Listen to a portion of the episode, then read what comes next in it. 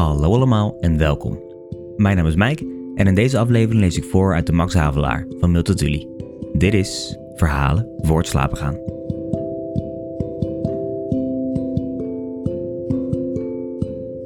Zo, het is de eerste echte aflevering van Verhalen voor het slapen gaan. Geen introductieaflevering meer. Jullie hebben me als het goed is al een beetje leren kennen in die aflevering, dus we kunnen nu gaan beginnen aan het echte werk. En het leek me dan ook leuk om voor te lezen uit de roman die bovenaan de literaire kanon van Nederland staat, de Max Havelaar. En het is ook best fijn dat deze bovenaan staat, want het is toevallig een van mijn favorieten. En de auteur is al meer dan 70 jaar dood, dus ik mag het gewoon voorlezen. De meeste van jullie zullen de naam Max Havelaar of Multatuli al wel kennen, van het keurmerk. Dat is een keurmerk van Fair Trade. Dat is opgericht in 1988 en het is ook best wel bijzonder dat ze dan de naam ervan hebben ontleend aan een boek uit 1860. Dat zegt volgens mij best veel over Multatuli en zijn Max Havelaar. Namelijk dat het zelfs na 100 jaar nog steeds relevant is en wordt herinnerd. Multatuli werd geboren met de naam Eduard Douwes Dekker in 1820. Toen hij 18 werd ging hij naar Nederlands-Indië, waar hij een baan als ambtenaar kreeg. Daar bouwde hij aan zijn carrière en werd hij in 1855 assistent-resident van de bak. Ik weet niet precies wat die functie inhoudt, maar volgens mij valt het te vergelijken met een soort iets minder belangrijke burgemeester. Terwijl Multatuli in Lebak zat, zag hij allemaal dingen waar hij het eigenlijk helemaal niet mee eens was. Hij kwam erachter dat de Javanen werden mishandeld en dat er sprake was van machtsmisbruik. En omdat hij geen onderdeel wilde zijn van een bestuur dat de andere kant op keek, nam hij ontslag. Hij zocht in Nederlands-Indië nog een tijdje naar werk, maar toen hij dat niet kon vinden, keerde hij terug naar Europa. Niet heel veel later begon hij aan de Max Havelaar, met als doel om de mishandeling van de Javanen aan het licht te brengen. In 1859 schreef hij het werk in een enorm korte tijd, namelijk in net iets minder dan een maand. En in mei 1860 werd het gepubliceerd. Het werk werd echter niet opgevat zoals hij het het liefst had gewild. Zo kreeg hij bijvoorbeeld veel reacties dat hij het zo mooi had opgeschreven en dat ze het zo ontroerend vonden. Maar dat wilde natuurlijk helemaal niet. Hij wilde dat er actie werd ondernomen. Daarom schreef hij in 1861 nog een werk, genaamd Minnebrieven, wat vaak wordt gezien als het vervolg op de Max Havelaar. En in dit boek gaat hij in op de bewijzen die hij aanhaalt in de Max Havelaar. En spreekt hij de lezer aan. En zegt hij bijvoorbeeld dat ze beter moeten lezen. In de Max Havelaar probeerde natuurlijk dus vooral de mishandeling van de Javaan aan het licht te brengen, in de vorm van een verhaal. Ik hoop dat ik jullie hiermee voldoende heb ingelicht. En als dat zo is, dan is het nu tijd om te gaan lezen uit de Max Havelaar van Multatuli.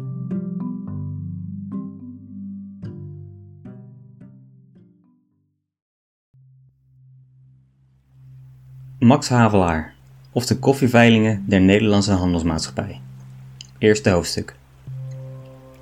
Ik ben makelaar in koffie en woon op de Lauriergracht nummer 37. Het is mijn gewoonte niet romans te schrijven of zulke dingen en het heeft dan ook lang geduurd voordat ik ertoe overging een paar riem papier extra te bestellen en het werk aan te vangen dat gij, lieve lezer, zo even in de hand hebt genomen. En dat gelezen moet als gemakelaar een koffie zijt, of als ge wat anders zijt. Niet alleen dat ik nooit iets schreef wat naar een roman geleek, maar ik houd er zelfs niet van iets dergelijks te lezen, omdat ik een man van zaken ben. Sedert jaren vraag ik me af waartoe zulke dingen dienen, en ik sta verbaasd over de onbeschaamdheid waarmee een dichter of romanverteller u iets op de mouw durft te spelden, dat nooit gebeurd is en meestal niet gebeuren kan. Als ik mijn vak, ik ben makelaar in koffie en woon op de Lauriergracht nummer 37, aan een principaal, een principaal is iemand die koffie verkoopt, een opgave deed waarin maar een klein gedeelte der onwaarheden voorkwam, die in gedichten en romans de hoofdzaak uitmaken, zou hij terstond Busselink en Waterman nemen. Dat zijn ook makelaars in koffie, doch hun adres behoeft niet te weten. Ik pas er dus wel op dat ik geen romans schrijf of andere valse opgaven doe. Ik heb dan ook altijd opgemerkt dat mensen die zich met zoiets inlaten gewoonlijk slecht wegkomen. Ik ben 43 jaar oud, bezoek sedert 20 jaar de beurs en kan dus voor den dag treden als men iemand roept die ondervinding heeft. Ik heb al wat huizen zien vallen. En gewoonlijk, wanneer ik de oorzaken naging, kwam het me voor dat die moesten gezocht worden in de verkeerde richting die aan de meesten gegeven was in hun jeugd. Ik zeg waarheid en gezond verstand. En hier blijf ik bij. Voor de schrift maak ik natuurlijk een uitzondering. De fout begint al van alve af, en wel stond bij de eerste regel over die lieve wichtjes. wat drommel kon die oude heer bewegen zich uit te geven voor een aanbidder van mijn zusje Truitje die zere ogen had, of van mijn broer Gerrit die altijd met zijn neus speelde? En toch, hij zegt dat hij die versjes zong, door liefde gedrongen. Ik dacht dikwijls als kind, man, ik wilde u graag eens ontmoeten, als ge de marmerknikkers weigerde die ik vragen zou, of mijn naam voluit een bankentik heet Batavus, dan houd ik u voor een leugenaar. Maar ik heb Van Alphen nooit gezien. Hij was al dood, geloof ik, toen hij ons vertelde dat mijn vader mijn beste vriend was. Ik hield meer van Pauweltje Winser, die naast ons woonde in de Batavierstraat. En dat mijn kleine hond zo dankbaar was. We hielden geen honden, omdat ze zo onzindelijk zijn. Alles leugens. Zo gaat dan de opvoeding voort. Het nieuwe zusje is van de groenvrouw gekomen in een grote kool. Alle Hollanders zijn dapper en edelmoedig. De Romeinen waren blij dat de Batavieren hen lieten leven. De bij van Tunis kreeg een kolijk als hij het wapperen hoorde van de Nederlandse vlag. De hertog van Alba was een ondier. De eb in 1672 geloof ik duurde wat langer dan gewoonlijk expres om Nederland te beschermen. Leugens. Nederland is Nederland gebleven omdat onze oude lui goed op hun zaken pasten en omdat ze het ware geloof hadden. Dat is de zaak.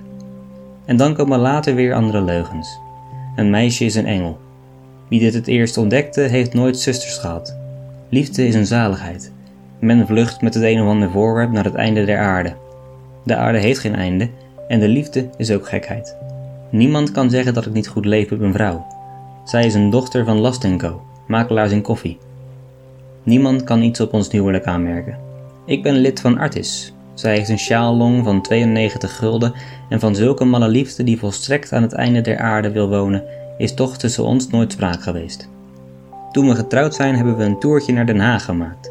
Ze heeft daar flanel gekocht waarvan ik nog borststrokken draag en verder heeft ons de liefde nooit de wereld ingejaagd.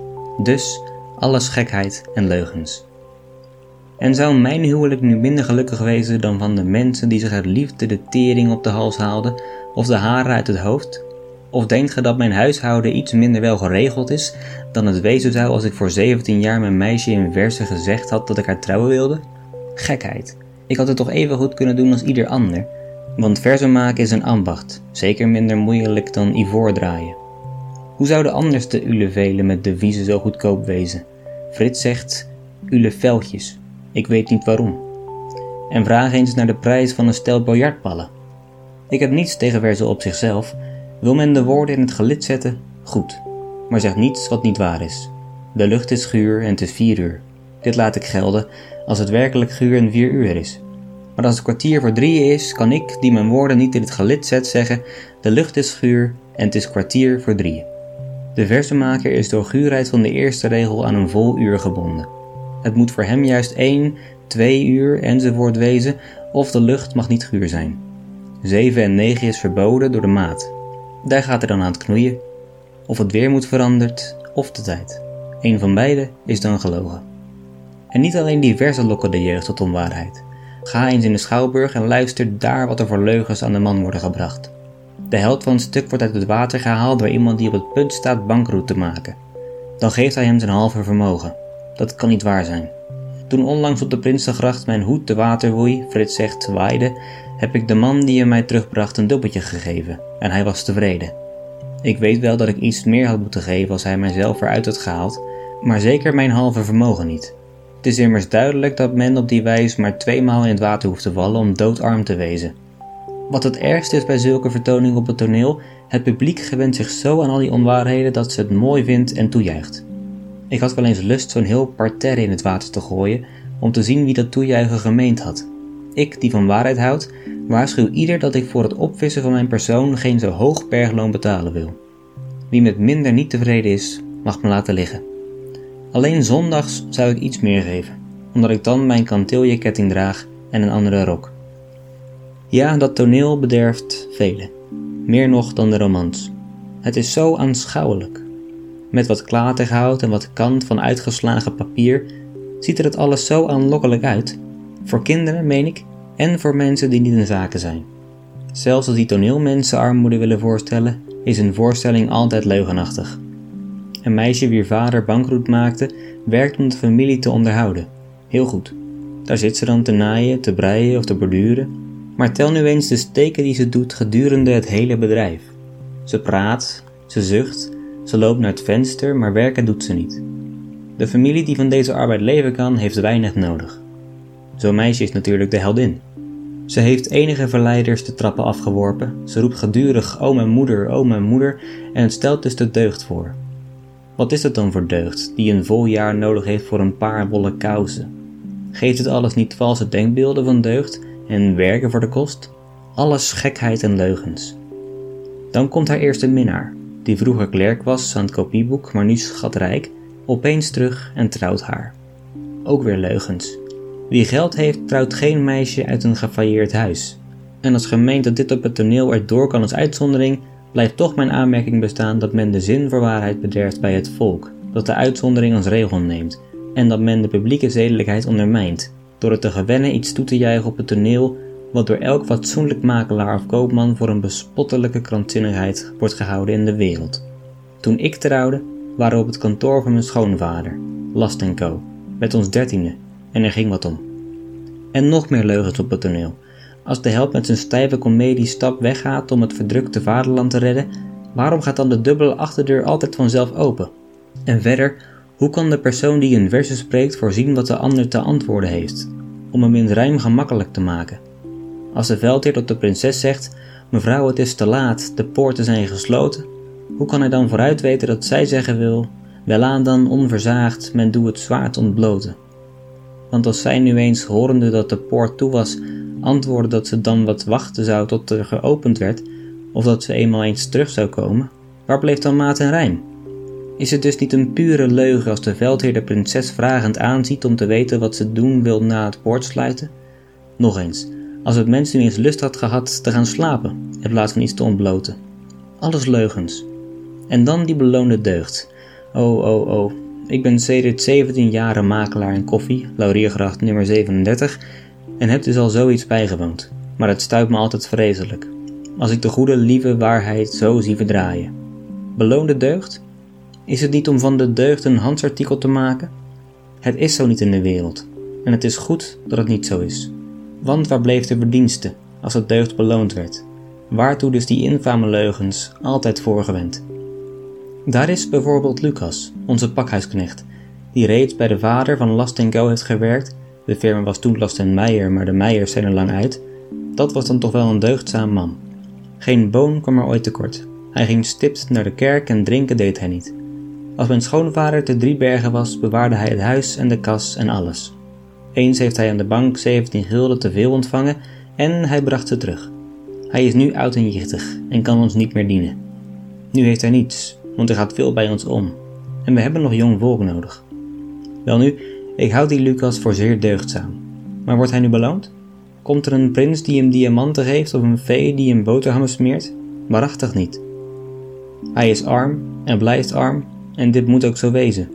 Ik kan hem niet helpen, want we hebben jong volk nodig, omdat er zoveel bij ons omgaat. Maar al kon ik, waar bleef zijn verdienste als hij nu op zijn oude dag een gemakkelijk leven leiden kon? Dan zouden alle pakhuisknechts wel deugdzaam worden en iedereen hetgeen Gods bedoeling niet wezen kan, omdat er dan geen bijzondere beloning voor de brave overbleef hiernamaals. Maar op een toneel verdraaien ze dat. Alles leugens. Ik ben ook deugdzaam. Maar vraag ik hiervoor beloning? Als mijn zaken goed gaan, en dit doen ze, als mijn vrouwen en kinderen gezond zijn, zodat ik geen gemaal heb met dokter en apteker, als ik jaar in jaar uit een sommetje kan terzij leggen voor de oude dag, als Frits knap opgroeit om later in mijn plaats te komen als ik naar Driebergen ga, zie, dan ben ik heel tevreden. Maar dit alles is een natuurlijk gevolg van de omstandigheden en omdat ik op de zaken pas. Voor mijn deugd eis ik niets. En dat ik toch deugdzaam ben, blijkt uit mijn liefde voor de waarheid. Deze is, na mijn gehechtheid aan het geloof, mijn hoofdneiging. En ik wenste dat ge hiervan overtuigd waart, lezer, omdat het de verontschuldiging is voor het schrijven van dit boek. Een tweede neiging, die mij even sterk als waarheidsliefde beheerst, is de hartstocht voor mijn vak. Ik ben namelijk makelaar in koffie, Lauriergracht nummer 37. Welnu, lezer, aan mijn onkreukbare liefde voor de waarheid en aan mijn ijver voor de zaken hebt gij te danken dat deze bladen geschreven zijn. Ik zal u vertellen hoe het is toegegaan. Daar ik nu voor het ogenblik afscheid van u neem, ik moet naar de beurs, nodig ik u straks op een tweede hoofdstuk. Tot weerziens dus. Eilieve, steek het bij u, het is een kleine moeite. Het kan te pas komen. Hé zie, daar is het, een adreskaartje. Die Co ben ik. Sedert de Meijers eruit zijn. De oude Last is mijn schoonvader. Last Co. Makelaars in koffie. Lauriergracht, nummer 37. Tweede hoofdstuk. Het was slap op de beurs, maar de voorjaarsveiling zal het wel goed maken. Denk niet dat er niets bij ons omgaat. Bij Busselink en Waterman is het nog slapper. Een vreemde wereld. Men woont zoiets bij als men zo'n 20 jaar de beurs bezoekt. Verbeeld u dat ze daar getracht hebben, Busselink en Waterman meen ik, mijn Ludwig Stern af te nemen.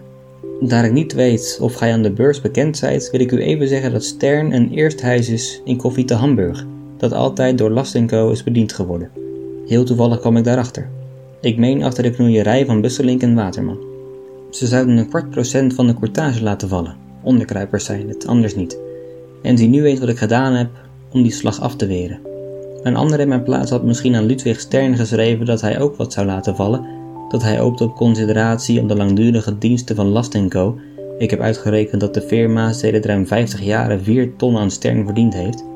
Die connectie dateert van het continentaal stelsel, toen wij de koloniale waren insmokkelden van Helgoland. Ja, wie weet wie een ander al zo zou geschreven hebben. Maar nee, onderkruipen doe ik niet. Ik ben naar Polen gegaan, liet me pen en papier geven en schreef dat de grote uitbreiding die onze zaken de laatste tijd genomen hadden, vooral door de vele geëerde orders uit Noord-Duitsland, het is de zuivere waarheid, dat die uitbreiding enige vermeerdering van ons personeel noodzakelijk maakte. Het is de waarheid. Gisteravond nog was de boekhouder na elf op het kantoor om zijn bril te zoeken. Dat vooral zich de behoefte deed gevoelen aan fatsoenlijke, welopgevoede jongenlieden voor de correspondentie in het Duits. Dat weliswaar veel Duitse jongelingen in Amsterdam aanwezig hiertoe de vereiste bekwaamheden bezaten, maar dat een huis dat zich respecteert, het is de zuivere waarheid, bij de toenemende lichtzinnigheid en onzedelijkheid onder de jeugd, bij het dagelijks aangroeien van het getal fortuinzoekers en met het oog op de noodzakelijkheid om soliditeit van gedrag hand aan hand te doen gaan met soliditeit in de uitvoering van de gegeven orders. Het is waarachtig alles de zuivere waarheid dat zulk een huis, ik bedoel Last Co, makelaars in koffie, Lauriergracht nummer 37, niet omzichtig genoeg wezen kon met het engageren van sujetten. Dit alles is de zuivere waarheid, lezer. Weet gij wel dat de jonge Duitser die op de beurs bij Pilair 17 stond weggelopen is met de dochter van Busseling en Waterman? Onze Marie wordt ook al 13 in september. Dat ik de eer had gehad van de heer Staffeler te vernemen, Staffeler reist voor Stern, dat de gedachtechef der firma, de heer Ludwig Stern, een zoon had de heer Ernest Stern, die ter volmaking zijn commerciële kennis enige tijd in een Hollands huis wenste geëmployeerd te zijn. Dat ik met het oog op, hier herhaalde ik weer al die onzedelijkheid en vertelde de geschiedenis der dochter van Busselink en Waterman. Niet om iemand zwart te maken, nee, bekladden ligt nu juist helemaal niet in mijn manier. Maar het kan nooit kwaad dat ze het weten, dunkt me. Dat ik met het oog daarop niets liever wenste dan de heer Ernest Stern belast te zien met de Duitse correspondentie van ons huis. Uit kiesheid vermeed ik alle toespeling op honorarium of salaris, maar ik voegde erbij dat indien de heer Ernest Stern het verblijf ten onze huizen, Lauriergracht nummer 37, wilde voor lief nemen, mijn vrouw zich bereid verklaarde als een moeder voor hem te zorgen, en dat zijn linnengoed in huis zou versteld worden. Dit is de zuivere waarheid, want Marie stopt en maast heel lief. En tenslotte, dat bij ons de Heer gediend werd. Die kan hij in zijn zak steken, want de Sterns zijn Luthers. En ik verzond mijn brief. Ge begrijpt dat de oude ster niet goed schiks bij Busselink en Waterman kan overgaan als de jongen bij ons aan het kantoor is. Ik ben zeer benieuwd naar het antwoord. Om nu terug te komen op mijn boek. Voor enige tijd kom ik s'avonds door de Kalverstraat en bleef staan kijken naar de winkel van een kruidenier, die zich bezighield met het sorteren van een partijtje Java, ordinair mooi geel. Gillibonaard, iets gebroken met veegsel, dat me zeer interesseerde, want ik let altijd op alles. Daar viel mij op eenmaal een heer in het oog die daarnaast voor een boekwinkel stond en me bekend voorkwam. Hij scheen ook mij te herkennen, want onze blikken ontmoetten elkaar gedurig. Ik moet betuigen dat ik te verdiept was in het veegsel om terstond op te merken wat ik namelijk later zag: dat hij vrij kaal in de kleren stak. Anders had ik de zaak daarbij gelaten. Maar opeens schoot bij de gedachte in dat hij misschien reiziger was van een Duits huis die een solide makelaar zocht. Hij had dan ook wel iets van een Duitser en van een reiziger ook. Hij was zeer blond, had blauwe ogen en een houding en kleding iets dat de vreemdeling verraadde. In plaats van een behoorlijke winterjas hing hem een soort van sjaal over de schouder. Frits zegt sjaal, maar dit doe ik niet, alsof hij zo van de reis kwam. Ik meende een klant te zien, en gaf hem een adreskaartje van Last Co, makelaars in koffie, Lauriergracht, nummer 37. Hij hield het bij de gasvlam en zeide: Ik dank u, maar ik heb me vergist. Ik dacht het genoegen te hebben met een oude schoolkameraad voor me te zien, maar Last? Dit is de naam niet. Pardon, zei ik, want ik ben altijd beleefd. Ik ben meneer Droogstoppel Batavus Droogstoppel. Last Co is een firma, makelaars in koffie, Lauriergracht. Wel, Droogstoppel, kent ge me niet meer? Zie mij eens goed aan. Hoe meer ik hem aanzag, hoe meer ik mij herinnerde hem meer gezien te hebben. Maar zonderling zijn gelaat deed mij de uitwerking alsof ik vreemde parfumerieën rook. Lach hier niet om, lezer, straks wordt gezien hoe dit kwam. Ik ben verzekerd dat hij geen drupbreukwerk bij zich droeg. En toch rook ik iets aangenaams, iets sterks, iets wat me herinnerde aan. Daar had ik het. Zijt gij het, riep ik, die me van de Griek hebt verlost? Wel zeker, zeide hij, dat was ik. En hoe gaat het u? Ik vertelde dat we met ons dertien op het kantoor waren en dat er zoveel bij ons omging. En toen vroeg ik hoe het hem ging, wat me later speet, want er scheen niet in goede omstandigheden te verkeren. En ik houd niet van arme mensen, omdat er gewoonlijk eigen schuld onder loopt, daar de Heer niet iemand verlaten zou die hem trouw gediend had. Had ik eenvoudig gezegd, we zijn met ons dertienen en goede avond verder, dan was ik van hem af geweest. Maar door het vragen en antwoorden werd het hoe langer hoe moeilijker. Frits zegt hoe lang zo moeilijker, maar dat doe ik niet. Hoe moeilijker dus om van hem verlost te worden. Aan de andere kant moet ik ook weer erkennen dat ge dan dit boek niet had te lezen gekregen, want het is een gevolg van die ontmoeting. Ik houd ervan het goede op te merken en wie dit niet doen zijn ontevreden mensen, die ik niet lijden kan. Ja, ja, hij was het, die mij uit de handen van de Griek had verlost. Denk nu niet dat ik ooit door zeerovers ben genomen geweest of dat ik twist heb gehad in de Levant. Ik heb u reeds gezegd dat ik na mijn trouwen met mijn vrouw naar Den Haag ben gegaan. Daar hebben wij het Mauritshuis gezien en flanel gekocht in de Venusstraat. Dit is het enige uitstapje dat de zaken mij ooit hebben veroorloofd, omdat er zoveel bij ons omgaat.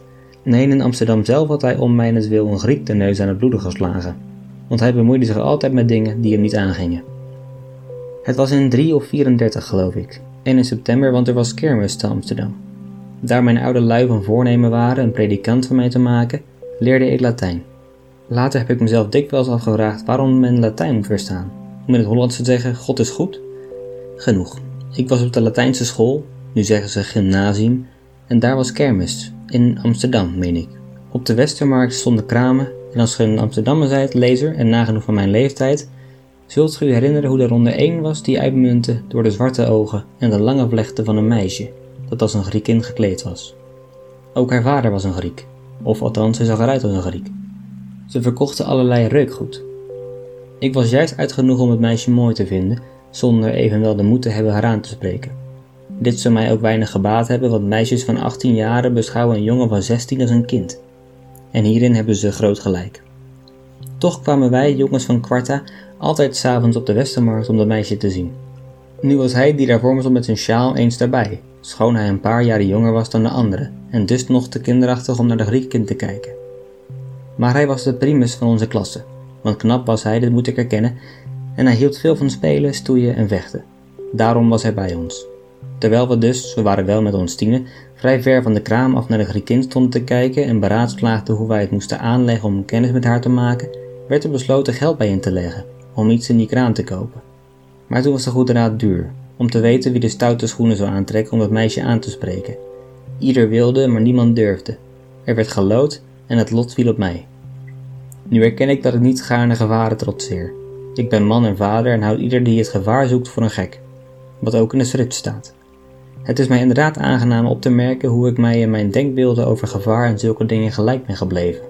Dat ik thans over zoiets nog juist dezelfde mening koester, als die avond toen ik daar bij de kraam van de Griek stond met de twaalf stuivers die we samengelegd hadden in de hand. Maar zie, uit valse schaamte durfde ik niet zeggen dat ik niet durfde.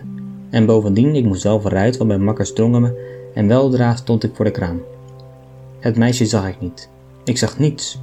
Alles werd me groen en geel voor de ogen. Ik stamelde een aoristus primus van ik weet niet welk werkwoord. Platir? zeide zij.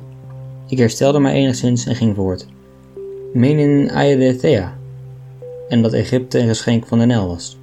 Ik ben overtuigd dat ik in de kennismaking zou geslaagd zijn indien niet op dat ogenblik een mijner makkers uit kinderachtige baldadigheid mij een zo harde stoot in de rug had gegeven dat ik heel onzacht tegen de uitstalkast aanvloog die op halve manshoogte de voorzij van de kraam afsloot.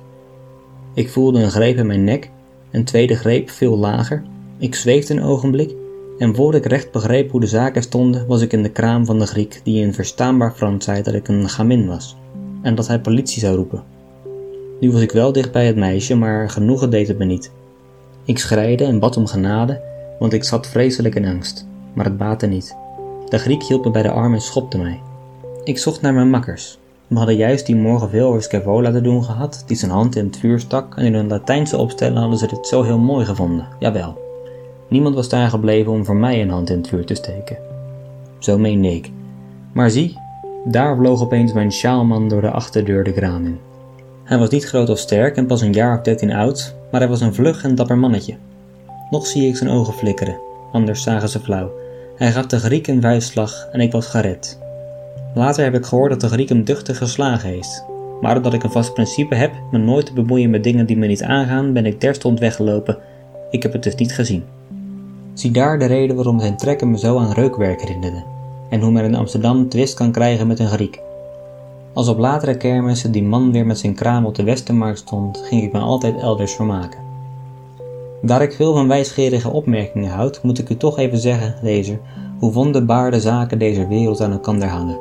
Als de ogen van dat meisje minder zwart waren geweest, als ze korter vlechten had gehad, of als men mij niet tegen de winkelkast had aangeworpen, zou ge nu dit boek niet lezen. Wees dus dankbaar dat het zo gebeurd is. Geloof me, alles in de wereld is goed, zoals het is. En ontevreden mensen die altijd klagen, zijn mijn vrienden niet. Daar het gebusselink en Waterman. Maar ik moet voortgaan, want mijn boek moet af voor de voorjaarsveiling. Ronduit gezegd, want ik houd van de waarheid, was mij het weerzien van die persoon niet aangenaam. Ik bemerkte terstond dat het geen solide connectie was. Hij zag zeer bleek en toen ik hem vroeg hoe laat het was, wist hij het niet. Dit zijn dingen waar een mens op let die zo'n 20 jaar de beurs bezocht heeft en zoveel heeft bijgewoond. Ik heb al wat huizen zien vallen. Ik meende dat hij rechts zou gaan en zei dat ik links moest. Doch zie, hij ging ook links en ik kon dus niet vermijden in gesprek te treden.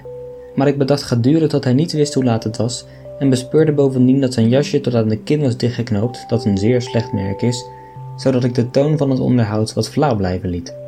Hij verhaalde mij dat hij in Indië was geweest, dat hij getrouwd was, dat hij kinderen had. Ik had daar niets tegen, maar vond er niets belangrijks in. Bij de kapelsteeg, ik ga anders nooit door die steeg omdat het voor een fatsoenlijk man niet staat, vind ik, maar ditmaal wilde ik bij de kapelsteeg rechtsaf slaan. Ik wachtte tot wij het straatje bijna voorbij waren, om goed te doen blijken dat zijn weg rechtuit leidde, en toen zei ik zeer beleefd, want beleefd ben ik altijd, maar ik kan nooit weten hoe men later iemand nodig heeft. Het was me bijzonder aangenaam u weer te zien, meneer. En, en ik, ik recommandeer me, ik moet hierin. Toen keek hij me heel gek aan en zuchtte, en vatte opeens een knoop van mijn jas. Beste droogstoppel, zeide hij, ik heb u iets te vragen. Er ging mij een rilling door de leden. Hij wist niet hoe laat het was en wilde mij iets vragen. Natuurlijk antwoordde ik dat ik geen tijd had en naar de beurs moest, gewoon het avond was. Maar als men zo'n twintig jaar de beurs heeft bezocht en iemand wil u iets vragen zonder te weten hoe laat het is. Ik maakte mijn knoop los, groette heel beleefd, want beleefd ben ik altijd, en ging de kapelsteeg in. Wat ik anders nooit doe, omdat het niet fatsoenlijk is en fatsoen gaat mij boven alles. Ik hoop dat niemand het gezien heeft.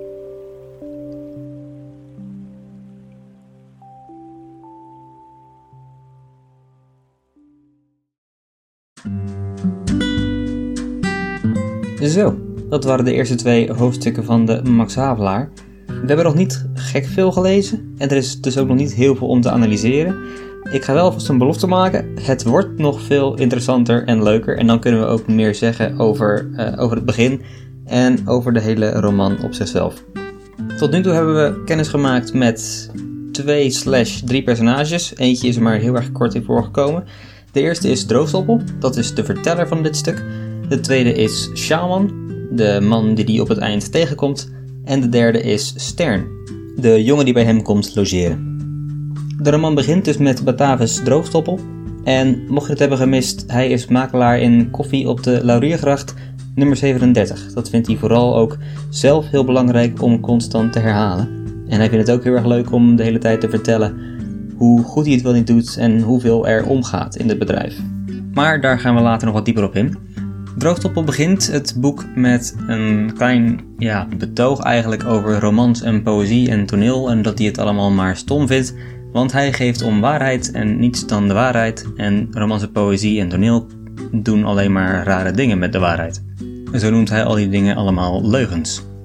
En dat is natuurlijk ook best wel interessant om een roman mee te laten beginnen. Want er zijn denk ik maar weinig schrijvers die denken van oké, ik ga nu een roman schrijven waarmee ik de mishandeling van de Javaan aan wil kaarten. En die roman begin ik met te zeggen dat romans leugens zijn. Dat is toch best vreemd. Maar later in de roman um, zijn er nog meer ontwikkelingen en die zullen dan weer op hun beurt iets zeggen over dit begin, soort van. Door de karakterisering van Droogstoppel en andere vertellers die ook nog aan bod komen. Droogstoppel zegt dus het een en ander op te gaan schrijven en hij vertelt dan dat hij later Shaman ontmoet, zonder wie deze roman er blijkbaar niet had kunnen zijn. Ook dit komt nog later in de roman terug. We ontmoeten dus samen met Droogstoppel Shaman en we komen er eigenlijk achter dat hij een beetje een, ja, een, uh, een raar gevalletje is. Een beetje een triest geval, die arme Shaman. Hij weet de tijd niet, hij is slecht gekleed, hij is in de ogen van Droogstoppel slecht gemanierd en hij is eigenlijk maar een beetje een, eh, een lastpak voor Droogstoppel. En hij probeert dan ook zo snel mogelijk van hem af te komen. Maar in deze opmerkingen van Droogstoppel over Shamans geldt wat aparts. Want in het verhaal van Droogstoppel komen we steeds herhalingen tegen dat hij zo trots is op zijn bedrijf en dat hij zoveel van waarheid houdt. En dat hij werkt op de Lauriergracht nummer 37 en dat hij makelaar in koffie is en dat hij zo goed is en zo deugdig is en zoveel van God houdt. Het is dus een, volgens zichzelf is het een hele fijne, goede man. Maar dat zeg je niet snel over jezelf. Dus dan is het de vraag, schuilt er misschien meer achter? Je gaat hem als lezer eigenlijk bijna wantrouwen. Het lijkt soms bijna met de herhaling van waar hij werkt en het adres van dat bedrijf, of die een soort advertentie voor jezelf heeft te schrijven en daardoor komt hij wat ongeloofwaardig over.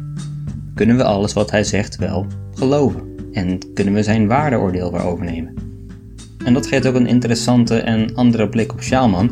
Als Droogstoppel zo negatief spreekt over Sjaalman, kunnen we hem dan ook wel als negatief opvatten? Of moeten we dat juist van een andere kant bekijken en is Sjaalman misschien wel een goeie? Later zullen er allemaal antwoorden op deze vragen worden gegeven. Voor nu denk ik dat er vrij weinig nog te zeggen is over deze eerste twee hoofdstukken van de Max Havelaar. En dan gaan we de volgende keer verder met hoofdstuk 3 en hoofdstuk 4. Dus ik ga bij deze de aflevering afronden. Ik wil jullie hartelijk bedanken voor het luisteren naar deze aflevering. Mocht je nou feedback hebben of gewoon iets tegen me willen zeggen, dan kun je een berichtje achterlaten op enker.fm slash verhalen voor het slapen gaan. En dan zie slash hoor ik jullie volgende week. Voor nu, goede nacht, slaap zacht.